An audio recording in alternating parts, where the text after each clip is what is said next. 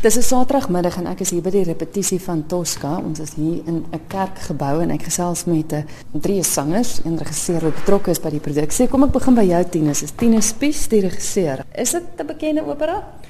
Ek dink die naam is baie bekend en van die musiek, maar die storie is nie noodwendig so bekend nie. Dit is Puccini, maar dit is nou nie so romanties soos La Bohème nie. Eintlik 'n bietjie van 'n donker storie. Ehm, um, maar dit gaan oor iemand Scarpia wat sy krag gebruik en sy mag om mense te kry om te doen wat hy wil hê. En dan kry ons Tosca op wie hy verlief is en Cavaradossi op wie sy eintlik verlief is. En dan alles speel af tussen hierdie liefdesdriehoek. Hoekom moet mense dit kom kyk? Dit is regtig baie min dat 'n mens nog deesdae die geleentheid kry vir al in Pretoria aan die Staatsteater om 'n uh, 64 stuk orkes te hoor, 'n uh, hele stel wonderlike soliste, 'n baie groot koor. So dis reg omdat die geleenthede so min is, as 'n mens hierdie mis, weet ons nie wanneer die volgende een gehou sal word nie. Baie interessant dat die Staatsteater weer gebruik word. Hoe het dit gebeur? Wie is almal deel van die produksie? Wel, dit word gedoen deur die Pretoria Simfonieorkes en deur hulle is die geleentheid geskep deur die Staatsteater om hierdie opera te doen. En verder is dit mense van die omgewing. So dit is nie net 'n trots Suid-Afrikaanse of 'n trots Gauteng produksie nie, maar ook 'n baie trots Pretoria produksie. En die opera is in drie bedrywe? Dis reg, ja. Nou die die slegte persoon En die een wat al die moeilikheid veroorsaak sit hier neffens my. dis Christian Snyman. Ek's reg, dis die rol wat jy vertolk, ja. Ja, skat, ja, ja. Vertel my meer, ons het nou gehoor jy is die slegte ou wat dinge wil laat gebeur volgens sy plan. Ja, Scarpia is 'n manipuleerder en hy is altyd seker dat hy sy sin sal kry.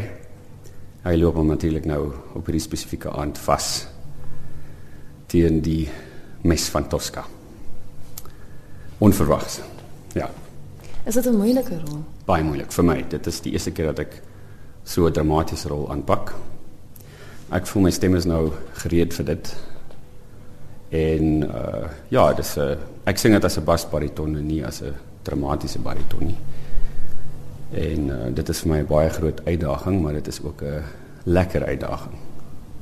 Nou vir my en die luisteraars wat nou nie gewoond is aan mhm. sulke uitdagings nie, verduidelik vir ons in gewone Afrikaanse terme wat wat maak dit moeilik? Is dit goed dat jy met jou stem moet doen wat nie natuurlik kom nie of is dit omdat jy moet saam toneel speel? Wat maak dit 'n uitdaging? Ek sou sê eerstens die die karakter van Scarpia is baie ver verwyder van my eie persoonlikheid. So 'n mens moet jou weg vind in dit. Maar dit is ehm um, dit bring jou dit daag jou akteer ehm um, talente uit. En dan dis 100 en 158 bladsye van poëtiese Italiaans met deurgekomponeerde musiek. Met ander woorde daar's nie nommers soos in Mozart wat jy stuk vir stuk kan leer nie. Dit vloei alles in een.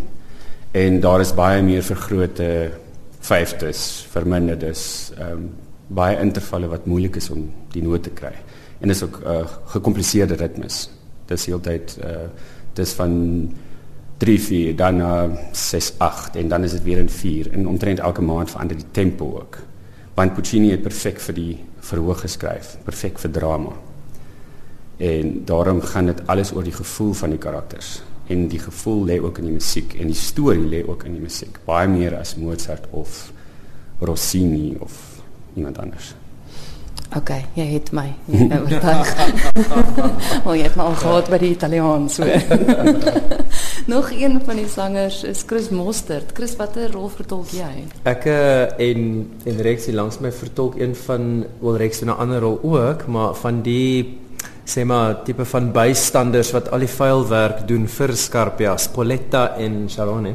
Rex sal nou verder vertel uh 'n kleiner rolle uh, so nie vreeslik baie singwerk nie maar meer op die verhoog en is sy half uh, bystand en sy manne wat uh, uh ons die groot doel in ons lewe is om maar vir Angelotti in die hande te kry want hy ontduik ons almal en uh ons so nou en elke nou en dan is daar opdragte wat uitgevoer word en ons doen die vuil werk. So ons is nie gawe kerels nie.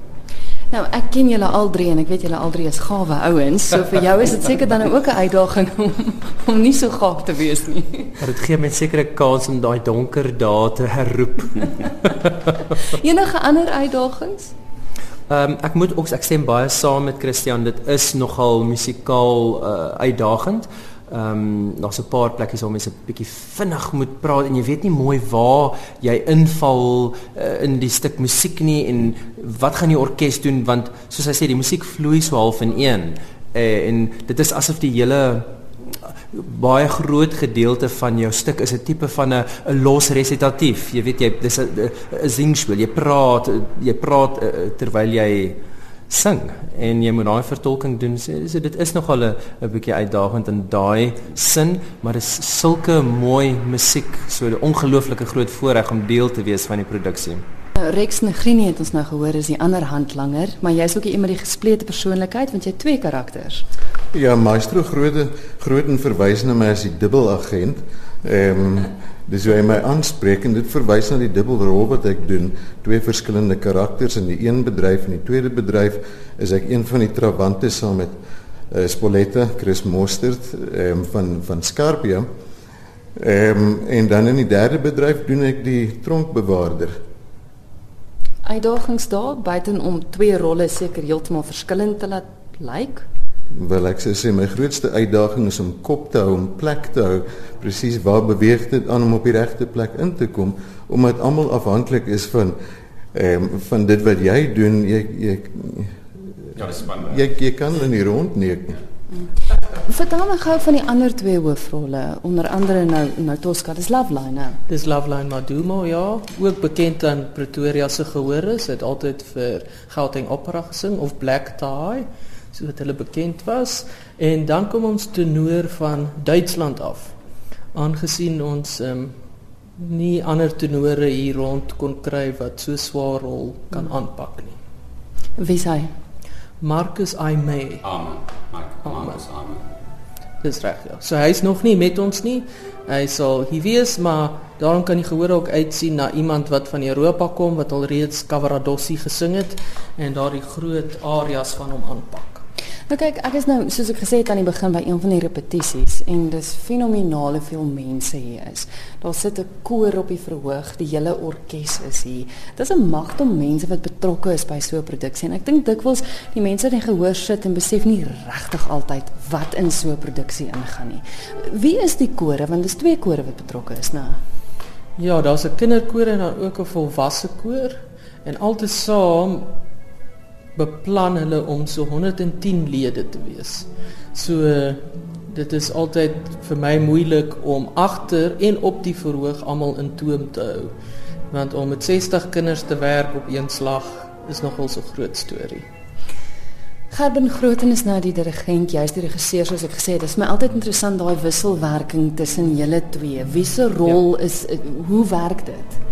Wel, dit moet altyd wees dat die musikale idee wat die dirigent het, moet die regisseur visueel op die verhoog kan sit. So dit help nie hy wil iets hê uit die musiek uit en ek kan dit nie vir die mense wys nie. So jy moet altyd die musiek kan wys vir iemand. Aan die begin in die oefeninge is dit altyd die dirigent se werk om die musiek reg te kry. Die regisseur neem dan oor om die verhoogwerk te doen. Maar dan moet die eerste optrede is my werk klaar en sy werk gaan aan. Hoe maak mense as hulle sou belangstel om Tosca te gaan kyk?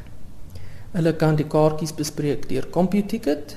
Ek dink dit is al reeds oop of as hulle die op die Staatsteater se webtuiste gaan, is ek seker kan hulle ook daar meer inligting kry. En dan die belangrikste van al die datums, wanneer is julle te sien? Dis van die 21ste tot die 28ste Mei 2017. En hoofsaaklik in die aande. Ja, dis gewoonlik elke tweede aand net om die sangers 'n bietjie van 'n ruskans te gee.